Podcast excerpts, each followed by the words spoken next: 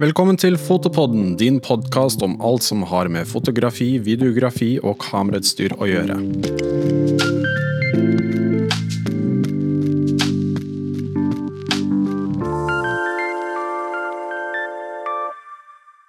Ung opp og frem er en podkast om hvordan det er å være ung og ambisiøs i dag. Den er drevet av Tina Modelia og Silje Reistad, to unge jenter som jobber i den kreative bransjen. Tina driver sitt eget produksjonsselskap hvor hun fokuserer på sosiale medier og jobber for eh, mange ulike selskaper, som f.eks. Eggmont. Silje jobber som skrivent og skuespiller, og har jobbet bl.a. hos VG. Så til alle som ønsker et innblikk i hvordan det er å være ung og jobbe i det kreative i dag, så anbefaler vi alle å sjekke ut deres podkast.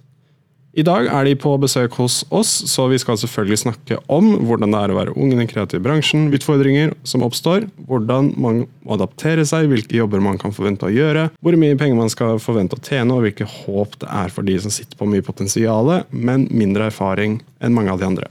Velkommen til oss.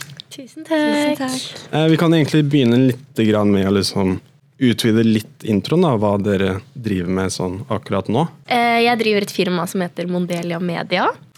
Og eh, det er da satsing på videoproduksjon. Vi produserer videoer for eh, firmaer. Og har også litt egne merkevarer som vi fokuserer på. Og ja, så det er jo det er jo videoproduksjon ofte med satsing på sosiale medier. Da. Så vi gjør jo Vi tenker jo en del på markedsføringen rundt det er å tenke på at det skal ut på nett. da. Kult. Hva med deg, Silje?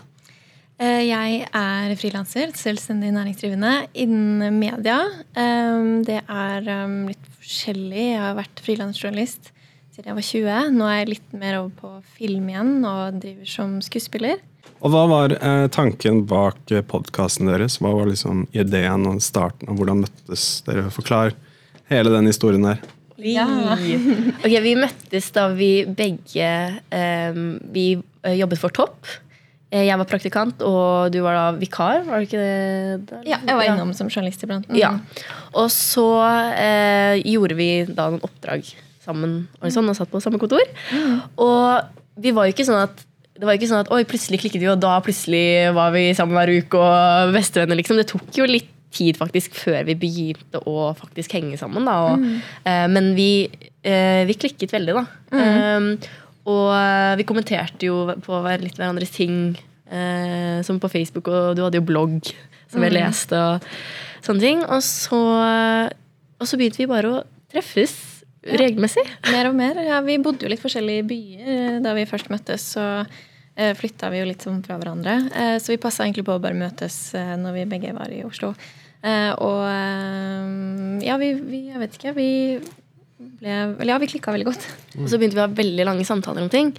Og siden vi begge har jobbet mye som frilansere, så ja, så hadde vi jo en del å prate om.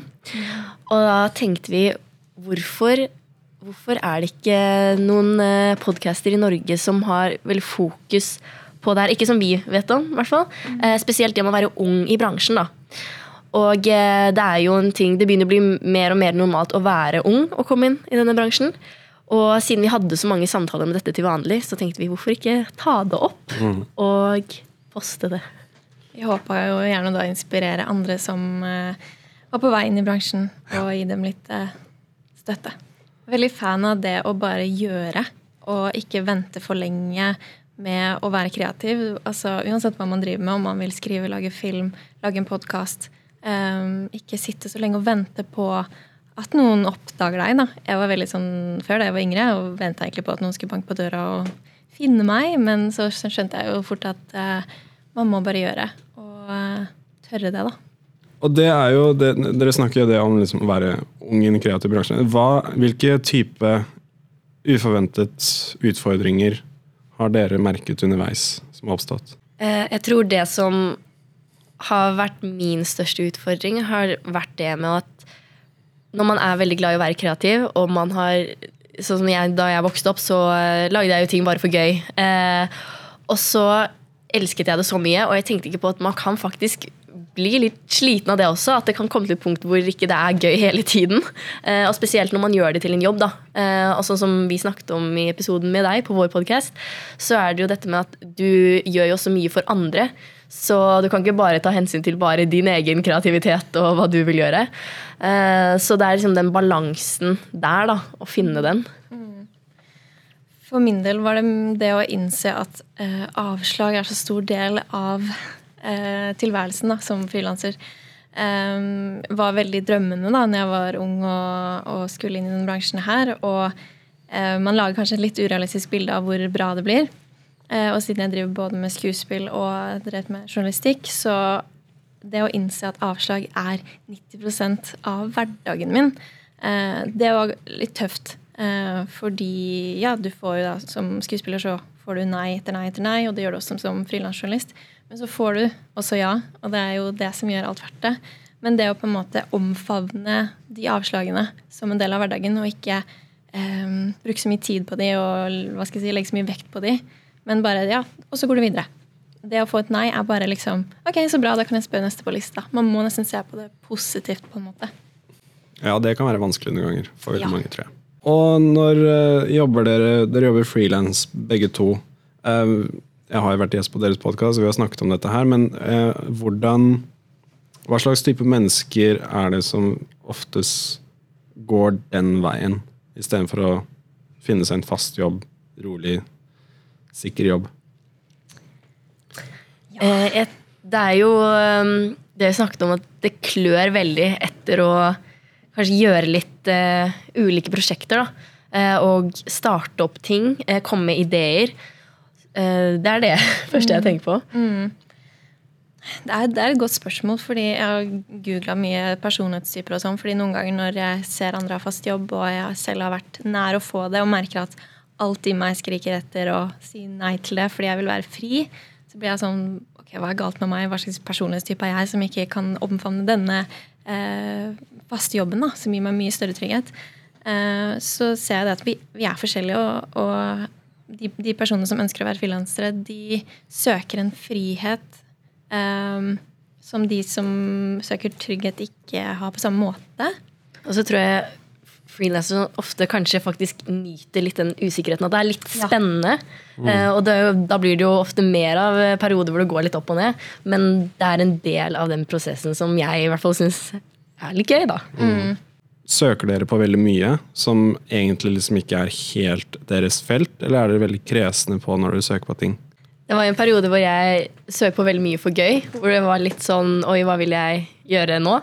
Eh, og jeg, for å være helt ærlig, så ser jeg bare mest på Er dette noe jeg tror jeg kan bidra med på, da. Eh, så for jeg har jo blant annet lest eh, en bok, og jeg husker det var, da var jeg ganske ung, hvor jeg leste at det var eh, Hva heter hun? Anita Tråseth? Tråseth?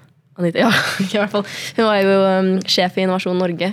Og, sånn, og hun sa jo at hun tok ikke så hensyn til de kvalifikasjonene, men hun søkte likevel. Og det er jo det Jeg tror det engasjementet er eh, minst like viktig som eh, alle de kvalifikasjonene. Og det er jo ikke noe Det skader jo ikke å søke. Så jeg har vært litt sånn Ok, jeg ser at jeg er litt innenfor dette feltet her. Eh, så hvis det er ett punkt kanskje ikke passer helt, så jeg kan jo bare prøve. Og noen ting tenker jeg at jeg kan lære meg, men det kommer jo litt an på selvfølgelig. Hvis det er sånn 70% av det som står der, bare sånn, det her passer ikke meg i det hele tatt, så kanskje revurderer jeg litt. Men eh, jeg er litt sånn bare prøv. Man vet jo ikke. Enig. Jeg også søker. Jeg, også, men jeg er jo ærlig på hvis det er punkter som jeg kan mindre om. Men eh, jeg søker selv om det er ting jeg ikke eh, kjenner helt til. Men da er jeg jo ærlig om at jeg lærer gjerne mer om dette. Jeg er kjempeengasjert for å lære mer, og det har jo like mye å si. Det skrev jeg også faktisk i en søknad en gang. Dette, akkurat det her vet jeg ikke hva er engang, men det kan jeg lære meg. Det finner jeg ut av. Det går sikkert fint. Ja. Nei, jeg, har, jeg tok opp faktisk en sånn eh, stilling som jeg syns var veldig interessant. Da, hvor det er på en måte Akkurat det vi snakker om, at det er veldig mange punkter med kvalifikasjoner som er Jeg tror det er veldig få som faktisk kan sjekke alle disse punktene her. Og det var noen som søkte etter en læreivrig videograf til en praktikantstilling. Så du trenger liksom en som har nettopp kommet ut av skolen. En som ikke har så mye erfaring å basere seg på. Men du må kunne, eh, du må være god på å filme, redigere og klippe. Du må ha erfaring innenfor multimediedesign, motion graphics, videoredigering, animasjon. Du må ha en showreel eller portefølje å vise til. Du må ha kunnskap om layout, farge, grids, ikoner, typografi, proporsjoner, fotografering og bevegelse, animert media. Du må kunne After Effects, Cinema 4D, Adobe Illustrator, Photoshop. Eh, Du må kunne ja, skjønne alle disse tingene her, da. Og det er liksom ganske mye å sette Det er ganske mange krav å stille. Men det er veldig få som Du spesialiserer deg på ett felt vanligvis, og det å kunne filme og, og ta bilder er én ting, men når du liksom kommer med alle disse ekstra tingene også, så er det litt sånn vanskelig å se på den og tenke at selv om det ser interessant ut, så det, kan det være litt skummelt å tenke at ja, men jeg kan jo ikke Cinema 4D. Jeg tror mange blir skremt av sånne søknader og sø søker ikke. Ja, Det er veldig trist, egentlig. Fordi det kunne like så godt vært eh, punktvis eh, at du ønsker å lære om dette. Ja, og- ja, og det kan egentlig være et tips til alle som på en måte har, skal skrive en sånn type søke etter sånne folk. da. Som Mm. skriver at du liksom, Vi ønsker gjerne at du er villig til å lære deg After Effects, f.eks. Mm. Um, og håper at du har lyst til det sånn etter hvert. Det jeg tenker når du leste opp, var at det, er jo, det har jo blitt veldig sånn i bransjen nå at man må kunne flere ting for å få en slik stilling. Men det, det var jo veldig mye. Ja, den var litt ekstrem, tror jeg. Ja. Jeg er veldig nysgjerrig på om det var noen som faktisk søkte på den. Ja. Og om de sjekker alle de punktene. Hvis du hører på, og du har faktisk fått den jobben, så gjerne kommenter under. Ja. Så Gratulerer. ja, gratulerer. nei. Absolutt. Det er ikke dårlig. Men det, det, det er ikke så uvanlig sånne type stillinger som dette her uh, innenfor det kreative. Og det er veldig vanlig nå at en som tar kun bilder, må kunne video også. Og hvis du kan video, så må du også kunne redigere. Det bare forventes av deg veldig ofte. Og det har i hvert fall jeg opplevd, og det har sikkert dere også opplevd også. Jeg vet ikke om du, Hvis du jobber som skribent, eller sånne ting, er det også da forventet at du også skulle ta bilder? Um, nå har jo jeg gjort det frivillig, på en måte. Alltid solgt inn eh, bilder samtidig som jeg har solgt inn tekst. Um, men ja, jeg ser jo at det blir mer og mer forventa. Og samtidig ønsker de å presse sammen prisene, så det er jo Ja. en liten utfordring der. Så var det jo veldig Da jeg jobbet for Egmont, så var jeg jo både programleder, fotograf, eh, fikse lyd, redigere, eh, tilpasse til sosiale medier, poste det på sosiale medier. Det ble eh, en som hadde ansvaret for alle innholdskanalene, og å produsere innholdet til det på digitale flater. da. Og det er skremmende vanlig nå. Det er litt det jeg også gjør her. Hvis man gjør gjør egentlig alt. Mm. Du utfyller jo egentlig fem forskjellige stillinger. Og det er mer og mer vanlig. Eh, Så hvis man skal inn i bransjen, så må man forvente at det er liksom kravene, egentlig. Og det er ganske høye krav. Eh, Det er det. Mm, og de sender jo ut disse søknadene også sånn fordi de kan. Fordi det er så mange om veiene, da. Så de kan søke etter alle disse kravene. Og det er da jeg tenker de som kommer ut av skolen, ikke må bli skremt. De må um, Jeg tror at uh, det er synd, som vi snakka om, å ikke søke, men hvis det er punkter du ikke kan, eller, eh, eller programmer du ikke uh, kan ennå, så søk likevel, og skriv at du er kjempegira på å lære det. Så tror jeg faktisk du vil bli vurdert likevel. Og det er som du sier, også vær ærlig på det. det er veldig Ja. viktig. Ikke lyv til deg. Du kan godt liksom pynte litt på sannheten, men eh, jeg har jobbet med flere folk som har sagt at de kan redigere. Og så har vi ikke gått inn i hva, hva mener du med at du kan redigere. Hvor flink skal man være på det? Og så ender det opp med at du liksom ikke har møtt kravene, da. Jeg tenker at man kan jo, Hvis man eksempel har kommet ut av skolen, da, at man leser litt sånne eh, stillingsbeskrivelser hvis man har lyst på en slik type jobb, og så lære seg disse typer programmer og the craft. da, Og bli, for å bli skikkelig god på det. Eh, men det tror jeg er vanskelig hvis man ikke syns det er gøy. Så, det, ja, Det er et godt tips. så sett deg inn i ting du vil lære. Siden vi snakker om skole, em, så er det jo Det er jo sånne evig debatt, i hvert fall innenfor filmskole, om man skal gå på filmskole eller ikke, om det er noen vits i det hele tatt. Hva er deres synspunkt på det? Er det noe man burde gjøre, eller ikke, tenker dere? Skal jeg starte? Du kan starte. Ja, har- Det er et tema jeg har pratet veldig mye om med folk. Syns det er en veldig interessant debatt. Eh, Da jeg var yngre, så ville jeg gå på filmskole. Jeg hadde planer om å gå fire år på filmskole i USA. Det var vel mer fordi jeg hadde lyst til å gå på skole i USA og lære meg film. Jeg ville jo bli regissør. Og, men jeg tror ikke jeg tenkte at å nei, men det går å, det går ikke å bli regissør hvis man ikke går på skole. Så det er jo eh, det er jo mange som ikke gjør det. Eh, jeg mener at det er ikke nødvendig. Jeg tenker at det kommer egentlig helt an på hva du vil. Det er jo veldig mye mer til skole enn bare det du lærer og den graden du får. Eh, men eh, jeg endte jo med å faktisk studere noe helt annet. Noe som jeg tenkte at dette, hvis jeg først skal gå på skole, så vil jeg lære meg mer business og økonomi og juss og slike ting. Eh, men så endte jeg med å ikke bli ferdig med den utdanningen, da. Men uh, jeg tror liksom Jeg vet ikke, jeg syns det der er litt eh, tricky, men jeg mener at man må ikke det for å uh, få det til, da. Så det kommer helt an på hva Jeg tenker Hvis du skal gjøre det, tenk på hvorfor de gjør det. Mm. Fordi, og ofte så koster jo altså Skole koster jo litt ofte også. Mm. Så det er jo flere faktorer å ta hensyn til. Vi har diskutert det mye. Ja. Eh, jeg har to eksempler på det som på en måte er for og mot. Eh, da skal jeg kjempepartisk bruke min mann, som er regissør, som eh, søkte Filmskolen i Lillehammer og ikke kom inn der. Eh, han gikk i stedet i Nordland. Toårig, ikke noe bachelor, noen ting. Det er på en måte ikke noe man kan bruke til noe annet enn det du lærer. Eh, han lagde en kortfilm som vant Amanda, og på en måte lever av å være regissør i dag. Og han har alltid hatt en sånn fra han var 16 at man lager en kortfilm hver sommer for da har du tiden til det. Og alltid, alltid jobbe. Aldri stoppe og være avhengig av eh, studier. Eh, så han har jo klart seg utenom eh, skolen. Eh, så det skal ikke stoppe deg. Sånn, tenk om han hadde stoppa fordi han ikke kom inn i Lillehammer, som er liksom the big eh, film school i Norge. Så eh, hvis han hadde stoppa, så hadde det vært veldig synd. Men f.eks. jeg som driver med skuespill, da. Jeg ser jo fordelen med å ha en bachelor i skuespill. Du får automatisk eh, medlemskap i Norsk Skuespillerforbund, som gir deg en, en rekke fordeler. Eh, så jeg må på en måte jobbe på en litt annen måte for å bli medlem der. Jeg må jobbe tre år sammenhengende med skuespill som eh, hovedinntekt. Eh, så det kommer litt an på hva du jobber med. Men jeg syns aldri det skal stoppe deg i å gjøre det du vil. Om du ikke kommer inn på studiet du ønsker. Jeg merket at jeg studerte i utlandet. Og jeg merket at det var en Da jeg kom hjem fra skolen, så hadde jeg ikke noen kontakter. Og det bygger du under studietiden også. Hvis du skal jobbe i den byen du studerer i, så får du kontakter i løpet av de årene du, du går der.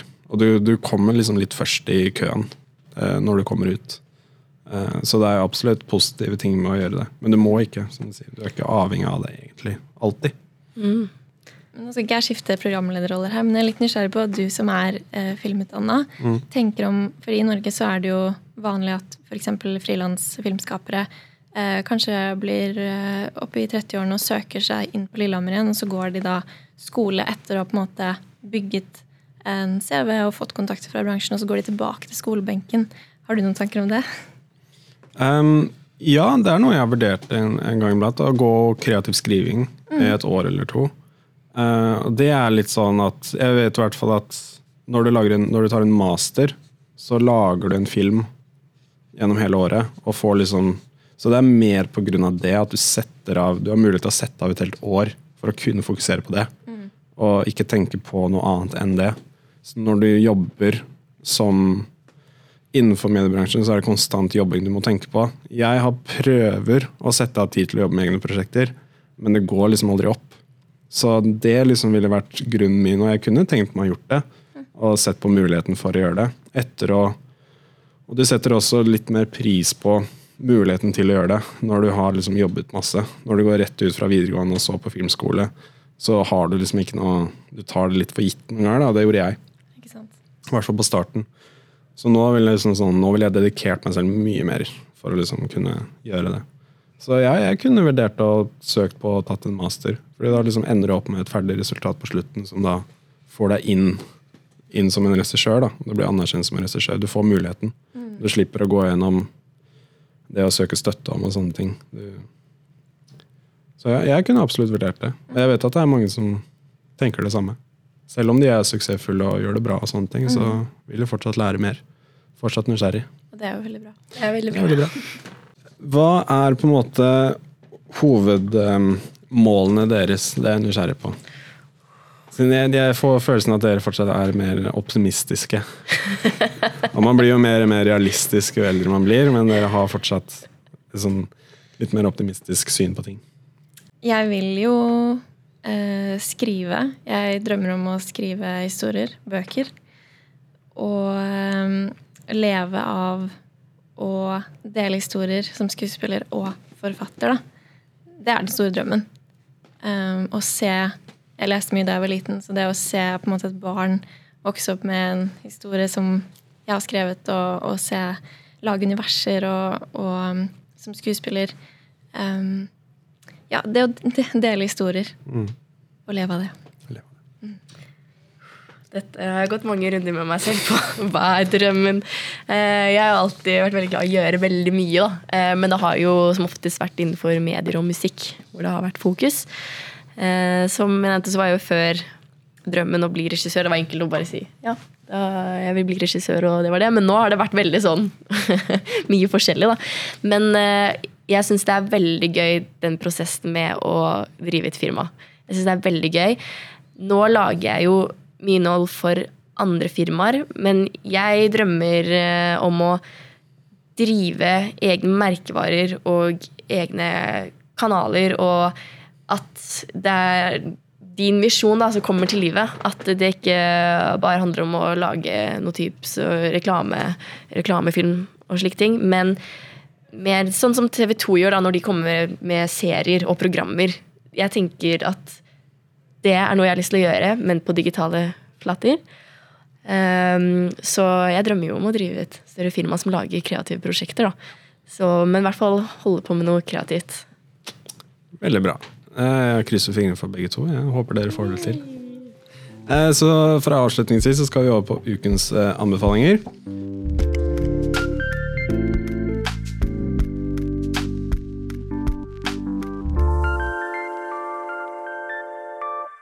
Det er en sånn spalte vi har sånn fast, hvor vi kommer med anbefalinger til lytterne våre. Det kan være en podkast, annen podkast, det kan være en YouTube-kanal, det kan egentlig være en fotograf, det kan egentlig være hva som helst.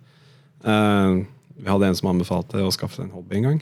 For han fant ut at det var eh, Han hadde nettopp begynt med det, og han syntes det var ganske fint avbrekk for mye jobb. Veldig bra. Ja, ja. Men jeg, jeg tok det til hjertet. Jeg. Bare sånn, ja, men det, det, det er ikke noe dumt, det. Så vi kan si hva som helst av anbefalinger. Ja, ja, kjør på. Ok, skal jeg starte? Ehm, stå opp tidlig om morgenen. Rutine og struktur. Veldig viktig. Ja. Uh, ellers Gary V sitt innhold. Jeg tror vennegjengen min er lei av at jeg snakker så mye om han. Men jeg kan ikke utdype godt nok hvor glad jeg er i innholdet hans. Han eh, er veldig, en veldig ærlig person. Sier ting rett ut. Om alt fra ikke bare karriere og jobb, men om livet generelt. Om det å ha tålmodighet. Det med at eh, man må jobbe hardt i begynnelsen for å få til ting. Han jobbet i minst ti år før noen visste hvem han var. Eh, som han sier i en av hans dokumentarvideoer nydelig. Um, så Gary V. My friends. Yes. Please listen to him. Han ser jeg også mye på. Han lager veldig mye innhold, så du får ikke med deg alt. Nei. Han har et helt crew som lager innhold for han, men Ja. han er veldig flink. Så det, han er veldig, veldig flink. Ja. Ja, Veldig ærlig. Mm. Eh, For å kjøre samme greia, da. Life hack først. Eh, Min, eh, min anbefaling er være til stede. Og være bevisst på rollene man har i løpet av en dag. Når du er hos foreldrene dine, så er du en sønn eller datter og er fokusert. Du sitter ikke eh, kanskje med nesa ned i mobilen. Det kan du gjøre når du er alene. Um, Ja, være til stede, for du vet aldri hva som kan skje i dette livet. Eh, og det vil si også når du jobber. Vær ansatt. Vær eh, arbeidsom. Uh, ja. Det var mine råd. Veldig fine råd, veldig gode anbefalinger. Jeg har, eh, skal gå litt mer faglig, og det er på en måte med tanke på det vi har snakket om, å gå utdanning osv. Og sjekke ut et studie hvis man ønsker å gå den linjen, hvis man er nysgjerrig på å studere. Og sjekke ut eh, Jeg vet at Bilden Nordic de har startet en studie som heter Visuell innholdsprodusent for nye medier. Og det er noe veldig nytt. Det er sånn det er, som man burde gå på da, for å få en, en lite innblikk i hvordan det er å skulle jobbe i den kreative bransjen i dag. Så bra at slike studier hva heter det, moderniseres. Ja, Og de er veldig flinke på det også. Så de prøver liksom, og Det er også en skole som er i Oslo, så du får kontakt, du får liksom etablert deg, og så får du prøvd deg litt, da, hvis du har lyst til Og så finner du ut av om det er for deg eller ikke. Kult. Så det er anbefalingen i dag. Tusen takk for at dere kom innom. Sjekk gjerne ut podkasten til de to jentene her, Ung opp og frem. Og så følg oss også på alle sosiale medier, og så er det masse linker under til steder du kan sjekke ut. Yay. Og så ses vi neste uke i en ny episode. Ha det. Ha